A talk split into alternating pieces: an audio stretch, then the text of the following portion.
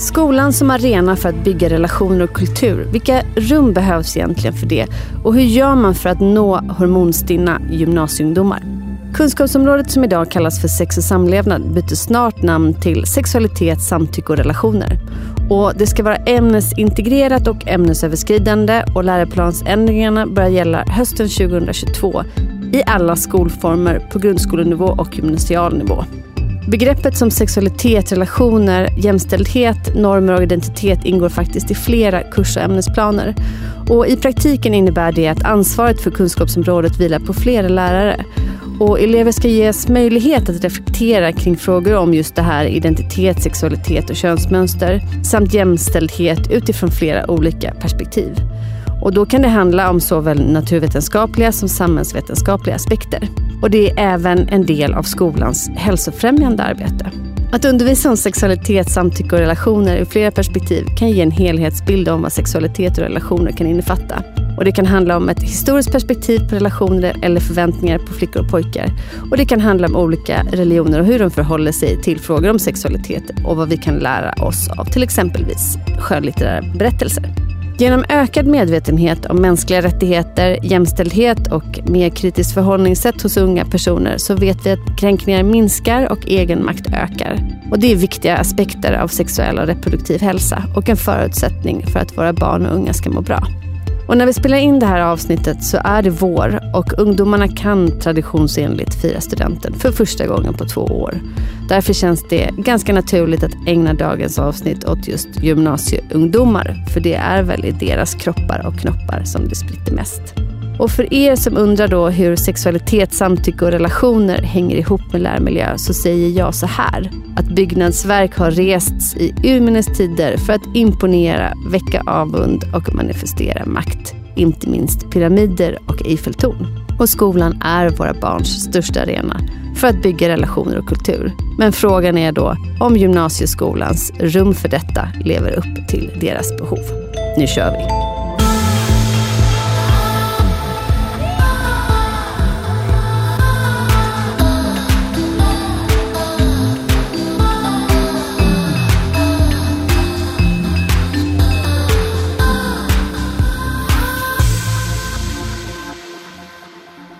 Med oss idag har vi Gabriella Paresanovic, legitimerad lärare i historia och religion och förstelärare med 15 års erfarenhet av arbete med gymnasieungdomar. Och kuratorn och socionomen Erika Hebbe som har en vidareutbildning i sexologi. Och tillsammans så driver de sexsnacket.se, en utbildningstjänst för skolpersonal för att förstå sitt uppdrag att utbilda i sexualitet, samtycke och relationer. Välkomna båda två. Kul att ha er med. Hur är läget? Tack. Det är bra tack. Berätta, hur kommer det sig att ni eh, brinner för det här och eh, hur kommer det sig att ni arbetar tillsammans? Ja, men det är ju ett ämne som ligger oss båda varmt om hjärtat eftersom vi möter ungdomar i vårt dagliga arbete. Eh, och då handlar det mycket om livets alla delar, liksom relationer och allt det svåra med att vara tonåring. och samtidigt så blir man ständigt påmind om hur få rum det finns för de här samtalen eh, och hur stor kunskapslucka det också ofta är. Mm. Mm. Och du Gabriella, din ingång, jag tänker det här med religion och historia. Det började egentligen när jag var mammaledig, eh, skulle jag säga. Jag satt och lyssnade på på radio och på nyheterna, jag tror det var P3, så plingade det till och så sa de så här, allt fler barnmorskor larmar om att eh, unga tjejer kommer in och lider av, eh, lite triggervarning här på orden kanske, men analinkontinens. Och jag satte mitt te nästan liksom i halsen och var hemma med min dotter som var inte ens ett år och kände, men vad, vad är det hon säger? Och så intervjuade de en barnmorska eh, som berättade om det här då och förklarade liksom bakgrunden till hur, varför det ser ut som det gör. Och eh, sen dess har jag nog använt de här lite obekväma orden till allt och alla i alla liksom, ledande positioner. Jag pratade med Erika om det och frågade, men ser du det här? Och det är klart att man får tänka att det där var en historia, eh, ett vittnesmål från en barnmorska. Men det finns flera sådana vittnesmål där ute och då kände jag att jag måste vara med och ändra liksom, arenan eller öppna arenan för de här samtalen. För hur obekväm jag än är att prata om det här eh, så kan det ju inte vara i närheten av att själv vara i den situationen. Just det. Och jag pratade med rektorerna och de sa det, men det är ju då, det ingår i alla lärares uppdrag att prata om det här. Just att det ska vara ämnesöverskridande och att makt och samtycke och Exakt. relationer och kultur någonstans sätter normen för ja. hur vi agerar. Ja. ja. Mm. Men eh, hur, väl, hur väl kan lärarna sitt uppdrag? Nej, men först så tror jag att det är många som inte riktigt förstår vad som ingår i det här ämnet. Nej. Alltså hur brett och stort det är. Ja. När man pratar med nästan vem som helst om det så tänker många direkt liksom att det är sex och porr, liksom, that's it. Men det är ju ett väldigt brett ämne som mm. innehåller väldigt många olika delar. Mm. Eh, så att en del ryggar lite tillbaka och tänker så men gud ska det här ingå i mitt ämne? Ska jag kunna det här? Och nej inte jag för jag är mattelärare. Men alltså, det är väl det som är hela problemet att man inte har så mycket kunskap om vad det här är. För de flesta lärare som är ute idag har inte fått någon, gått någon kurs i nej. hur man undervisar i det här ämnet. För det har liksom inte ingått på lärarutbildningen tidigare. Nu ja. gör ju det från hösten 21 tror jag. 21, ja. Eh, så det är ju en skillnad. Eh, men det är ett stort liksom, krav att ställa på lärare som då inte har fått någon utbildning i det. Vem vill stå och prata om någonting som man inte kan mm. och förstår hur ska jag göra det här till, koppla in det här i mitt ämne. Mm. Så dels är den här stora bredden som det, in, det ingår ju alltifrån känslor till samtycke till sexualitet, relationer, intimitet, respekt, eh, respekt hormoner. Det är så otroligt brett och det är ett stort paraply som, som breddas över liksom alla ämnen. Mm. Så det gäller att först förstå det där och sen se vad, hur då knyter jag an det här så att jag blir bekväm och så jag kan känna mig trygg och trovärdig som är liksom våra ledord i det här. För att kunna ha en, ställa mig inför en klass och ha en bra lektion som, som landar rätt. Just det. Eh, och som är efterfrån deras efterfrågan och behov. Ja, och för att kontextualisera så tänker jag att eh, det här med ämnesöverskridande, det är väl ingen som har liksom undgått att man har rest eh, olika byggnadsmonument för att manifestera både sin makt och sin potens. Liksom. Jag tänker mm. Eiffeltornet, Absolut. The Gherkin i London eller God knows what. Mm. Liksom. Mm. Och att rum också symboliserar väldigt mycket makt och även könsnormativa mm. eh, rum. Är någon typ av maktordning bara liksom utifrån hur rummets form eller hur man möblerar ett rum och att det på något sätt förstärker eller eh, hämmar eh, att kunna prata om de här Absolut. sakerna. Men hur tänker ni själva kring liksom, eh, makt, kön och rum? Bara att titta på en skola. Eh, den byggnaden som eh, jag jobbar i nu har varit en gammal eh, Ericsson-byggnad och är nu omgjord till en skola. Och där finns det till exempel, vi kallar det för brasrummet, ett rum med en öppen spis eh, där du kan lägga in liksom vedklavar och liksom dolda, eh, eh, vad heter det, Eh, nej, vet du det, lönnfack typ. Nej, men så här, I panelen liksom, så ja. såg jag ett litet nyckelhål sådär och här förstod man ju då att det här var ju då här har ju då Pampen, vdn, suttit liksom sådär och, och det är ju ganska intressant nu när vi då tog över byggnaden och skulle bygga skola från scratch från början att det var väldigt tydligt att det inte skulle finnas någon tydlig koppling till liksom, makt eller struktur, var man sitter någonstans. Um, vi till exempel på skolan har heller inte fasta arbetsplatser utan vi har vår hutch och så har vi liksom en arbets, ett arbetsrum där vi delar yta med varandra just för att liksom det här tar ner det hela och att vi jobbar som en enhet allihopa tillsammans. Och även rektorerna finns liksom lättillgängliga, att de ska finnas, det ska vara lätt att kommunicera. Mm. Det tycker jag man ser väldigt tydligt. Jag själv har gått i, jag är uppvuxen i Bredäng söder om Stockholm och det var de här 60-tals tegelbyggnaderna. Där var det ju väldigt tydligt uppdelat, även gymnasieskolan där jag gick som då hette Brännkyrka gymnasium, som nu heter Midsommarkransens gymnasium, var sådär väldigt tydlig i liksom, hierarki och lärarrummet, var det låg och, och allting sånt. Och det tycker jag att man ser att nya skolor nu som gör så att man tänker lite annorlunda kring det. Man ska vara det ska inte vara det här liksom rektorn uppe i topp och sen liksom att man har den här pyramiden ner. Jag tänkte just på det du sa, vår, vår rektor nu, hon är härlig. Hon har liksom verkligen öppnat dörren och öppnade hennes rum.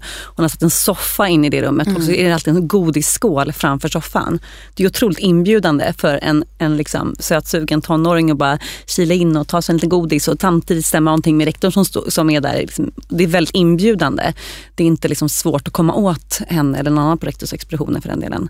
Och det är ju väldigt Men hur, jag tänker så här, väldigt många gymnasieungdomar går ju i, i eh, idag i ombyggda kontorslokaler. Ja, och apropå hormoner mm. och hur vi påverkas av liksom ljus och mm. luft och hur rummet ser ut. Mm. Eh, finns de rummen som man behöver för att kunna undervisa och får alla ungdom, ungdomarna vara med på den här typen av lektioner? Alltså jag tänker vi har en kulturell bredd i samhället idag.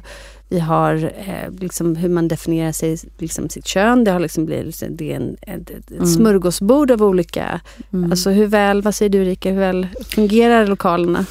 Eh, nej men det är mycket man skulle önska var annorlunda i många skolor som man är ute på och besöker. Absolut. Dels de här umgängesytorna är ju det första. Eh, de här slappa sköna ställena där du kan liksom lägga upp benen i någons liksom knä eller ligga och gosa med någon och, och ha liksom lite närkontakt och lite intima samtal och stämma, vi gick det igår på det där. Och, alltså ha de här liksom inte så formella samtalen som blir annars de här, liksom, när du sitter på en bänk och liksom ska jobba ute i korridoren eller så. Det, finns, det saknas i många eh, skolor och absolut de som jag tänkt på som jag har varit på. Eh, och eh, det är väl liksom en aspekt och även på skolgårdarna. Alltså det här att det finns även på en gymnasieskola, en högstadieskola, det finns liksom gungställningar eller hammockar där du kan krypa upp och sitta och gunga och liksom hängmattor. hängmattor där du kan slappa, känna avkoppling, ligga två i en hängmatta, komma nära. Alltså man behöver ju de här stunderna för, för närhet och värme och liksom det som är så, man har sån sug efter i tonåren många gånger. Mm. Och en del känner tvärtom såklart. Men att det eh, det är svårt att till för det är också klasserna blir större, man behöver mer ytor. Eh, jag tror att man gör avkall många gånger på de här, de här sköna avkopplande platserna. Och en del elever vill ju också känna att nej, men jag är bara här för att plugga, jag vill ha min arbetsplats mm. och vill inte ha det. Men de allra flesta som jag hör om vill absolut ha de här hängytorna, hängytorna som är mysiga, inbjudande med belysning och växter. Det ska kännas liksom lite avslappnad och gärna sån här som inbjuder till de här samtalen också där det finns konst som, som tar upp, som, som kan vara conversation starters liksom, mm. till de här ämnena. Eller vi brukar ställa ut skålar med kondomer som vi fyller på då och då. Och vi har små broschyrer om, om kärlek eller könssjukdomar och vi varierar där, tidningar från ottar. Alltså det ska finnas saker som plockar upp de här ämnena så det kan bli platser för det. För mm. hela vår liksom, vision och mission är ju att skapa öppna rummen för de här samtalen. Mm. I klassrummen, i i de allmänna ytorna, att det ska finnas lättare platser att ta upp sånt här. För mm. vi vet från forskning att de pratar alldeles för lite med varandra och vuxna om de här frågorna. Ja men jag tänker på din inledning här idag eh, Gabriella, att det låter ju som att det har blivit tuffare eh, än för vår generation, eh, vi som är föräldrar till de här barnen. Ja. Eh. jag är född i början på 80-talet och jag brukar när jag står på scen med Erika prata lite om det här med skillnaden att när vi växte upp att få tillgång till porrfilmer, då gick man in i en videobutik, man var helt eh, liksom utlämnad, man var tvungen att ta det här då konvolutet, lämna in det man visste vem du var helt enkelt. Mm. Um, och det kunde ju finnas då i videobutiken eller speciella butiker.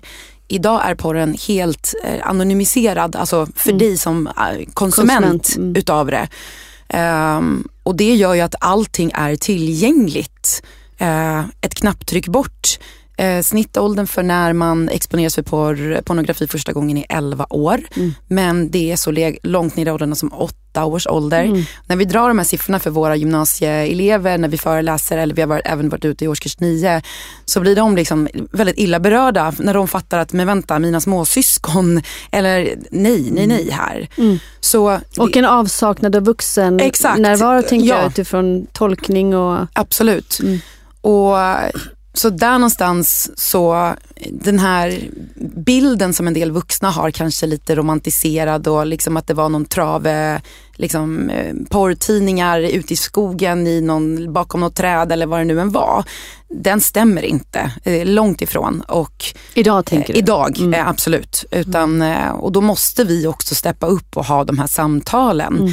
Mina ämnen religionskunskap och historia lämpar sig väldigt väl. Vi mm. pratar om, har gjort det alltid om historia eh, vad gäller liksom kvinnors rättigheter, eh, queer-rättigheter, alltså hela hbtq, eh, eh hbtq-communityt mm. eh, och så vidare. Så jag får ju in det men jag vet också att jag möter många på skolor som har samma ämnen som inte känner sig bekväma att prata om det här. Mm. Så det är klart att det, att det spelar roll. Jag tänker också mycket på när du pratar om det här med ytorna, att vi borde försöka tänka mera mind, body, spirit mm. när vi jobbar med eleverna. Mm. Att vi inte bara ska liksom drilla deras intelligens och hjärna och de ska liksom utvecklas utan mår de bra i kroppen, mår de bra i liksom själen eh, och känner liksom att de får utveckla allt det på skolan mm. så får vi en mer komplett unge som kan ta sig igenom alla de här utmaningarna. Mm. För det är också en fråga som ofta kommer upp. Det är inte de här svåra om så här,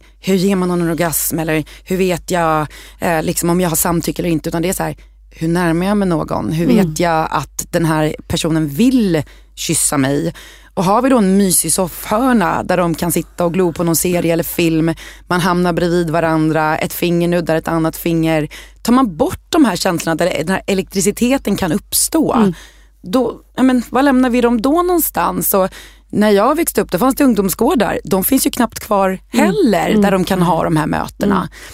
Och då lämnas man till liksom hemmamiljön och den är inte optimal för det utforskandet heller alla gånger. Nej. Och jag tänker du, du inledningsvis innan vi satte igång och pratade idag så, så beskrev du eh, ett kuddrum som hade ersatts av ja. eh, studieytor. Yes. Eh, kan inte du bara kort berätta om det? Eh, jo men det fanns en helt fantastisk yta där just det var bara soffor liksom, i en lång rad som ett stort L med massa massa härliga kuddar där eleverna umgicks då eh, och tittade på serier. De hade tv-spelsturneringar. de satt liksom där i, på så här saccosäckar. Allt, alltså det var verkligen mysigaste hörnan och där de verkligen kunde bara sådär dega och liksom mm. känna att nu släpper jag allt. Jag är så mosig och trött. Mm. Och den ytan eh, togs sen bort för mm. att istället då bli en pluggyta. Och det är precis som Erika säger, det här är ju då eh, också behovsbaserat såklart. Mm. Att man behövde fler pluggytor där mm. eleverna kunde sitta och plugga. Mm. Men här tror jag att man måste ha en diskussion, att man kan inte bara ta bort någonting för att tillgodose ett annat behov för då tappar vi det andra. Mm. Eh, och är det någonting som eh, jag då kan tänka tillbaka på min tid i Brännkyrka gymnasium. Vi hade den här magnifika fantastiska ljushallen som den kallades. Man såg upp till våningen högst upp, det var massa ljusinflöde, eh, alla bänkar, man kunde hänga, det fanns, vi hade till och med något så terrarium med, eh, där en eh, en orm, en så ofarlig, jag kommer inte ihåg vad de heter, eh, som man kunde liksom klappa som var liksom skolans eh, maskot. Eh, ja, ja, Så det fanns liksom så här, det fanns mycket mycket stimulans och framförallt mötesplats där man visste här samlas mm, alla. Precis. Och precis som du nämnde att det finns det många som nu har skolor som är i omgjorda lokaler som inte har det syftet. Då, då, måste man ju tänka att alla elever ska få plats och alla ska ha ett klassrum. Mm. Men de här grupprummen och hängytorna de har man inte riktigt prioriterat. Nej. Och då förlorar man, skulle jag säga, en väldigt viktig aspekt av att vara med och bygga en en härlig sund skolkultur. Ja. ja, och jag måste lägga till det som jag faktiskt pratade med några om senast igår. Det här med både såna hängytor men även vilorum. Mm. Alltså, är du en, en, har du jättekraftig mensvärk till exempel eller är superledsen någon dag eller får ångest och behöver gå undan. Vilorum som, som jag tror liksom ska finnas på varje skola. Mm. Det finns inte på varje skola. Nej. Och det finns inte ens alltid för alla lärare. Det ska det ju också finnas. Mm. Men det är någonting som, som jag har kämpat för också. Att vi ska liksom- reträttplatser? Ja, och som, mm. inte, inte, som inte kanske är öppet för alla när som helst men där man åtminstone kunna få bli insläppt. Att få ligga och vila, att få kunna stänga runt sig. Det finns massa elever med massa olika behov av att få stänga in sig ibland om det så är eh, mående eller, eller något fysiskt besvär. Och det är också sån här för att visa att vi, vi det är, en, liksom, det är en mänsklig plats. Det här mm. ska vi kunna vara eh, i alla, liksom, precis som på en arbetsplats, kunna finnas, eh, hänsyn, ta hänsyn till att vi kan få gå här även om vi har eh, behov att dra oss undan ibland mm. och behöva vila mm. för att så är livet. Mm. Eh, så det har jag nog inte, alltså det tror inte jag är en norm på skolor, att det finns ett vilorum för elever. Där man kan, ibland så finns det någon skolsyster men inte alltid. Men tack och lov har vi, har vi det. Men det är inte alla elever som känner till det. Men du då i din roll som kurator, mm. eh, har du de här 15 åren som du har jobbat, har du märkt att det har blivit tuffare per, liksom, varje år eller liksom, är det kravet från samhället eller är det just porren som Det finns ju många som vill så här, ge en positiv bild av porr. Men liksom Ja, så här, eh, just du menar den biten av måendet. Nej, men jag tänker Eh, just det här kopplingen, kraven. Gabriella, Ja. du nämnde det här med krav på studieresultat och du Ja. sa att man stimulerar, liksom, man ska Ja. liksom, så här, utveckla ens förmågor som, inom ramen av intelligens. Eller så här. mm. Men det finns ju den här andra intelligensen som Mm, handlar, som du också exakt. nämnde, om kropp och vad sa du, mind, body? Mind, body, spirit. Ja. Jag tycker att det är rätt eh, det är rätt tufft hela tiden. Man ser ju att det sakta, sakta stiger, Mm. eh, säger forskningen. Och den, den märks väl inte av så här supermarkant de senaste de 15 år jag har jobbat med, med ungdomar. Det är rätt tufft att vara tonåring och det är de jag möter. Liksom. Eh, men, men det här med, apropå porr och samtycke och eh, samlagssmärta som är också någonting som man ser är eh, skrämmande siffror på hur unga tjejer liksom Mm. får samlagssmärta av att de kanske inte har sex med någon de vill vara med eller varit utsatta för saker och inte förstått, där någon inte förstått ens gränser Mm. etc. Det, det är någonting som jag ja, vurmar för och alltid blir så ledsen över när jag hör att tjejer då för det första kanske inte har helt koll på hur deras kroppar fungerar, varför det är viktigt att vara, bli våt helt enkelt innan man eh, ligger med någon eh, och hur, hur hela kroppen fungerar och vad gör man då? Eh, och det handlar en del om prestation och det handlar om förväntningar, det handlar om normer, hur man ska vara, hur man ska vara och jag möter också killar som är där man förväntas Mm. vilja ha jämt, man ska förväntas vara en sexuell varelse som är kåt hela tiden. Eh, det, de samtalen, ja jag har mer av de samtalen nu än vad jag hade för 15 år sedan men det är också för att jag är fortbildad i de här så jag tror att jag plockar upp det lättare. Men jag, jag har ett, ett samtalsrum som försöker bjuda in till det också med de här liksom, punkterna i mitt rum som visar på att här är det till att prata om det här. Som Mm. jag har liksom regnbågsflaggan, jag har eh, kondomer och jag har allt möjligt som kanske också kan plocka upp ämnet lite.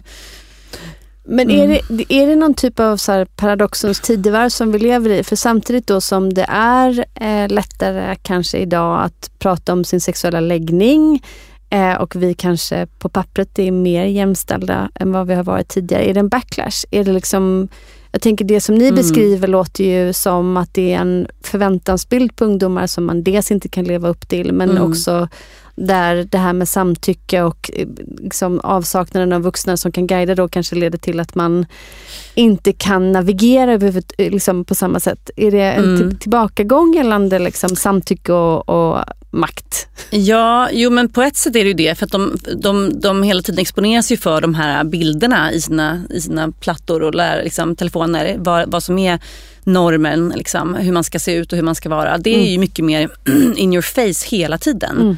Och det, det, det, det är ju ingen som sticker en stol med det. Det påverkar ju ens föreställning om hur man ska vara och hur man ska agera och hur man ska se ut. Och, och det berättar ju ungdomar om ofta. Hur, Mm. hur sociala medier och påverkar deras mående. Och mycket när det gäller kroppsideal och den Ja. biten. Eh, och hur det är liksom kanske lite svårt att, att bryta från det där. När du Mm. bryter från det eh, det är klart olika, olika miljöer och olika skolor kan vara olika tillåtande för det och så. Men att det är inte helt lätt för att du ser ändå hela tiden det här med här normerna är liksom ändå de som scrollar förbi dig i ditt Mm. flöde Mm. många gånger. Så på det sättet eh, kan man ju tänka så. Ehm, Jag tyckte också Mm. att det var ett väldigt bra tips som du gav där med att man ska ha liksom typ gungor och hängmattor även för äldre precis. barn. Just, just utifrån det perspektivet att Ja. man liksom, när man är nära någon Ja, och som du också sa eh, Gabi, att man liksom snuddar med varandra och så blir det oxytocin och så blir man lugnare och harmonisk och Precis. säkert, tänker jag, får en bättre kroppsuppfattning också. Exakt. Typ jag är okej, jag Ja. får vara nära den här personen, Mm. jag är accepterad Mm. och del av ett sammanhang. jag Typ. är trygg och, det, och närhet är någonting positivt. Liksom. Att få situationer där närhet, närhet kopplas till att det ska vara mysigt och varmt och trevligt. Mm. Eh, inte uh, liksom läskigt och nytt. Och där har vi ju väldigt olika med oss. Såklart får vi ha med oss hemifrån. Hur, hur vana vi är vid att vara fysiskt nära någon. Någon tycker det är jätteobehagligt och någon tycker det är jättemysigt. Mm. Men det kan ju också vara någonting som man är då träna lite på kompisar att, att hänga nära sådär. Så det, det, det skulle jag vilja se, så hammockar och hängmattor och mysiga ställen där man kan hänga på en filt även på gräset. Liksom, där, det, där det fanns några där ställen. Också som vi har sett att på skolor där man eh, ställer in eh, pingisbord både inomhus och utomhus eh, som står där liksom fast. Det bjuder in till så mycket rolig aktivitet. Mm. Eh, och de kör turneringar och annat. Att man Mm. liksom, Där de lekfulla. får vara barn de får vara lite barn igen lekfulla. och lite, lekfulla. Och liksom, Eh, även det här när de körde då på en av skolorna som jag jobbat på, där en tv-spelsturnering. Och alla är, alltså det är sånt mm. liv och de sätter upp ett stort liksom, eh, ett träd, ni vet som de gör den här, liksom, mm. där de kollar upp vem ska möta vem, liksom, i vilken ordning. Det är så roligt och de vill även engagera oss lärare i det. Kan inte ni vara med och tävla? Det bygger så mycket. Mm. Men har vi då inte en yta där det finns en, en skärm och eh, plats för det här, mm. då kan heller det här inte uppstå. Ja.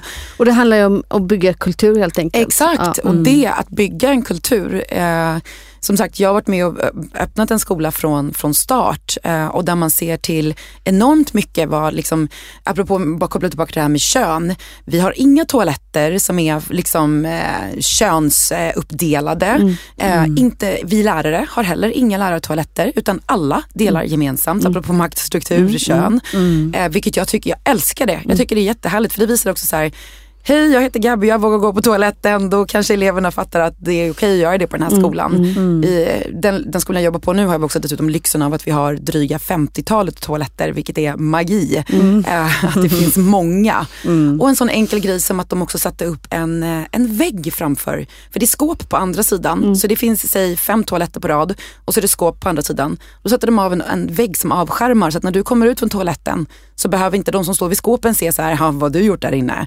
Så enkel grej. Mm. Och även att vi har då eh, omklädningsrum som är tydligt uppmärkta för de som icke eh, definierar sig. Eh.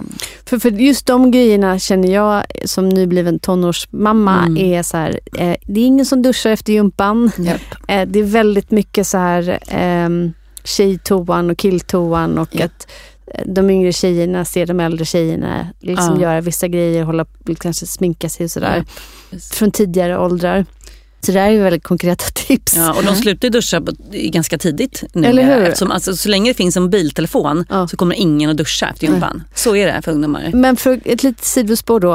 Eh, hur hanterar man mobiltelefoner i skolan? Har ni några tips? Mm, men det, är väl, det är väl ganska tydliga regler ofta. Vi har ju så kallade mobilhotell, alltså en mm. låda där ah, vi samlar in dem, checkar in. checkar in dem och så får de ta dem när de går på rast eller ibland inte. Mm. För det vi egentligen önskar att de inte ens tar dem när de går på rast för att de ska Nej. få liksom ett brain break och inte då ta upp telefonen.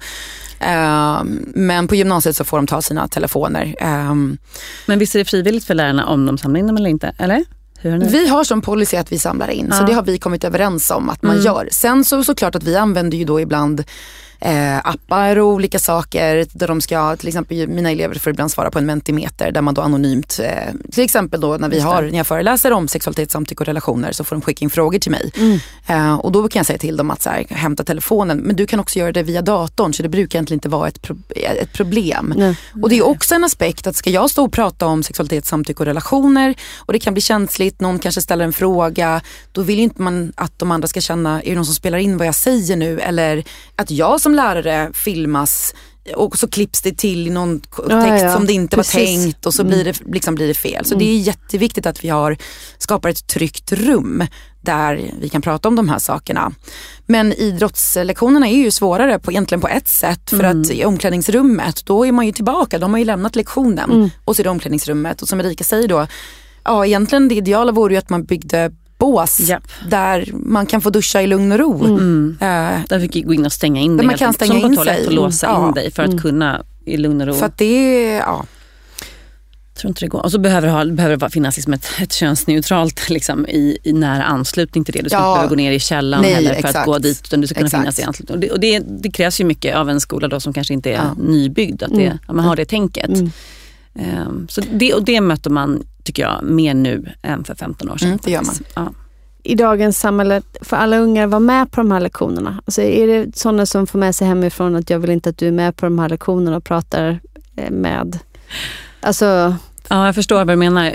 Ska vi berätta om det här när vi hade en föreläsning om, om porr och samtycke och vi skickade ut mejl till, kommer Ja, alltså alla elever har hittills fått vara med på alla ja, våra föreläsningar. De får inte frågan, alltså vi frågar Nej, inte föräldrarna. Utan, eller de blir informerade om vad vi ska prata om och det säger vi till alla lärare som vi fortbildar också. Mm. Ni måste förvarna eleverna om vad ni ska prata om. Mm. Ni ska även då, gärna lektionen innan så att de liksom ber dem skicka in frågor i förväg så du kan förbereda dig också. Mm. Det finns massa strategier som man kan använda sig av mm. för att liksom ta ner den här eh, för, liksom, oron man eventuellt har. Liksom. Vi frågar inga föräldrar? Nej, nej. nej. Eh, och det här ingår ju. Uh, mm. Men det är klart att, det, att den situationen kan uppkomma. Vi brukar också alltid följa upp våra föreläsningar för ungdomarna med ett mejl hem till föräldrarna där vi berättar, hej, idag har din ungdom fått prata om de här ämnena. Mm. Uh, det kan vara ett bra tillfälle att själv fortsätta samtalet ja. hemma. Mm. Uh, om det önskas, hör av er till oss. Här finns några länkar som ni mm. kan titta på, typ UMO, liksom, ungdomsmottagningarnas hemsida liksom och sådär.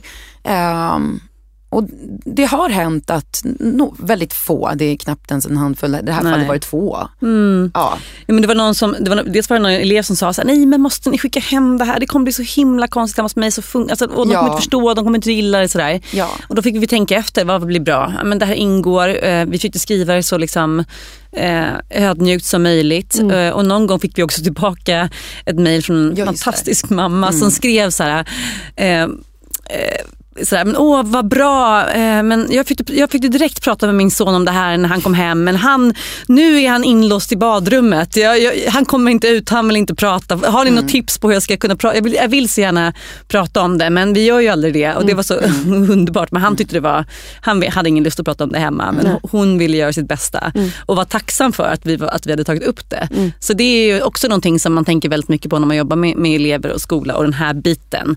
Att vi behöver stöd stötta lärarna, liksom, eller inte bara lärarna utan även föräldrarna i hur de ska plocka upp de här ämnena. Mm. Och det är samma sak där, hur hittar vi rum för det, trygga rum för det hemma? Mm. Om det så är i liksom, eh, bilen eller är det på kvällspromenaden mm. eller är det över den där kopp i soffan när vi ligger och pillar varandra i håret. Eller så, när får jag de här samtalen? Eller hur, hur blir jag duktig på att plocka upp det och fånga frågan i flykten som mm. är en av de här hörnstenarna som eh, som Skolverket liksom tar upp på vad, hur vi ska få upp det här. Utan hur fångar frågan i flykten? Jag hörde det här på radio, har du hört om det här? Eller kolla här i tidningen står det. Eller du, igår var det någon som snackade om det, vad tänker du om det? Alltså att hela tiden försöka få in de här, hur kan jag kroka upp så att mina barn förstår att i de här rummen kan vi prata om det. Mm. Jag ser det här, jag hör det här. Mm. Tänker du? Jag tänker på dig då. Alltså hjälpa även föräldrar att se hur, hur, gör jag, hur skapar jag de här trygga rummen i, mm. i vardagen. För mm. det är nog inte lätt. Och då handlar det också om tid, apropå vad som har hänt den senaste tiden. Man pratar om liksom hur mycket tid har vi för våra barn? Vad, mm. Hur ser samhället ut? Vi stressar runt och vi, mm.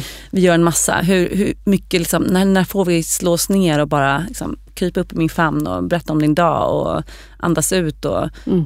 eller liksom, det där är också viktigt. Mm. Eh, att hitta de där rummen även i våra hem, tänker jag. Mm. Att det finns soffor även där, att det finns slappytor, en gosig matta på marken, i golvet som man kan ligga på. Amen, du vet. Jag tänker de rummen är viktiga. Jag, jag, som, som då mamma själv så känner jag att jag suger åt mig all den här informationen. Men ja, som avslutande fråga som arkitekt då. Tre takes eh, från er båda. Eh, vi börjar med dig Erika. Tips till oss som ritar skolor. Mm. Så att det blir, så vi kan hjälpa till så att ni får de här rummen.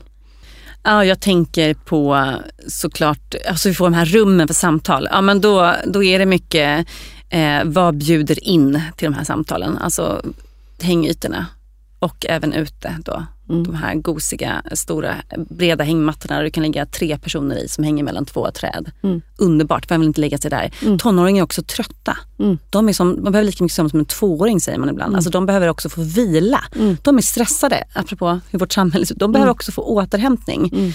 Eh, så ett rum för, rum för liksom, vila ute men även vilorum tycker jag. Eh, att det finns vilorum i lokalen. Så vi visar att det, att du behöver återhämta dig. Mm. Eh, och eh, det här med, eh, med omklädningsrum och mm. bås in i eh, eh gymnastik. Ja. Mm. Och jag kan inte bli göra en koppling. Jag är ganska nyss hemkommen från Kenya där jag har besökt flera skolor. För jag jobbar med en organisation som jobbar med att distribuera mensskydd för så att flickor ska kunna gå i skolan. Mm. Och de skolorna och de lokalerna och de toaletterna, de matsalen, alltså där kan vi prata lärmiljöer. Så att, eh, om vi ska ett avsnitt om skolor i Afrika så kommer jag gärna.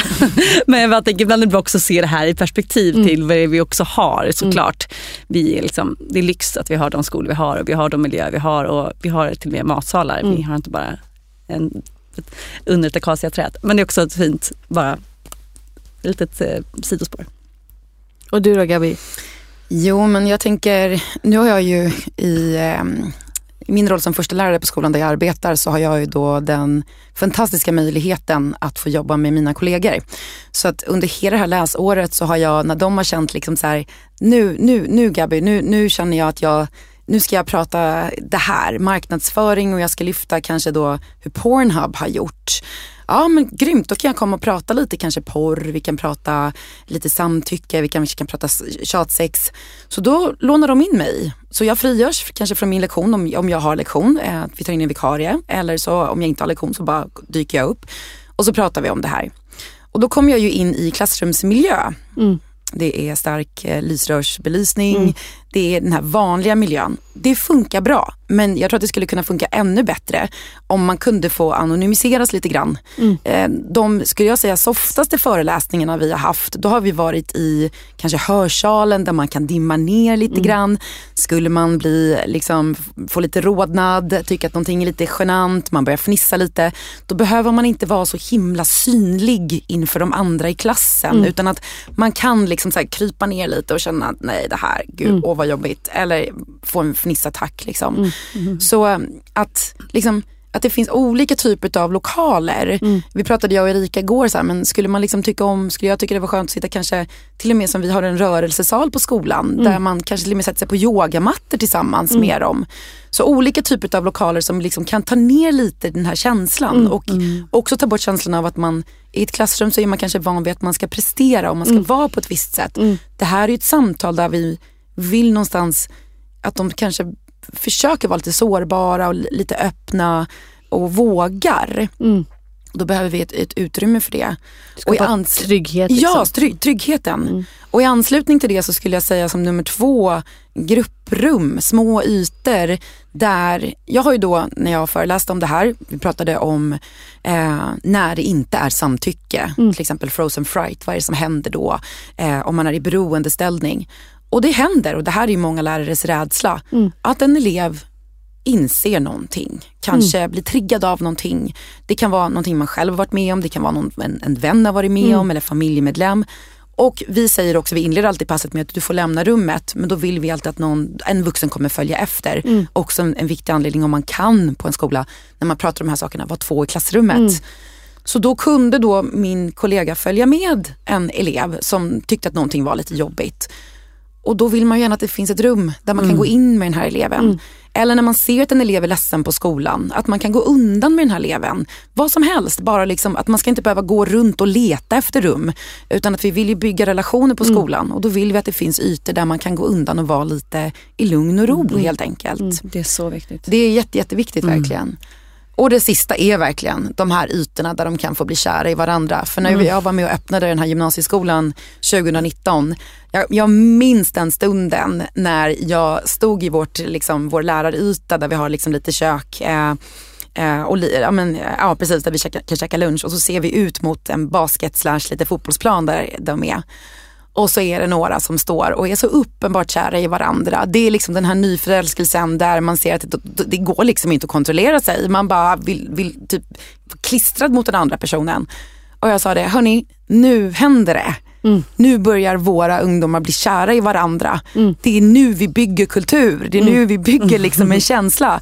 Och visst, kärleken kan gå över allt det här. Men att när vi har de här ytorna, som att de då kan hänga runt den här basketplanen.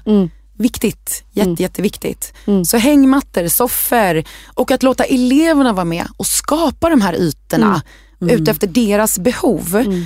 Och att man då inte bara lyssnar till de som behöver det för att kunna prestera bättre i skolan utan vi måste också lyssna på de som behöver det för att kunna må bra i mm. skolan. Så att vi inte bara liksom, eh, lyssnar och premierar det som är så här, det drivna, nu ska ni få bra betyg. Nej, vi vill att ni ska bli kom, alltså, hela, ni ska vara hela människor mm. när ni är här också. Liksom. Mm. Det är så himla fint att sluta det här samtalet med att prata om kärlek. Ja. Mm, bli hel som människa. Eh, jag är jätteglad över att ni tog er tiden att komma hit idag och för er som är mer nyfikna kan ni gå in och läsa på sexsnacket.se. Stort tack för att ni kom. Tusen tack för att du fick komma. Tack själv. Lärmiljöpodden är en podd av OVL-arkitekter och idag har vi lärt oss mer om vilken typ av rum gymnasieskolan behöver ha för att stötta ungdomarna i att utveckla förmågor avseende sexualitet, samtycke och relationer. Det var allt från oss idag. Glöm inte att följa oss i sociala medier och under hashtaggen Lärmiljöpodden och på awlark.se. Vi hörs nästa vecka.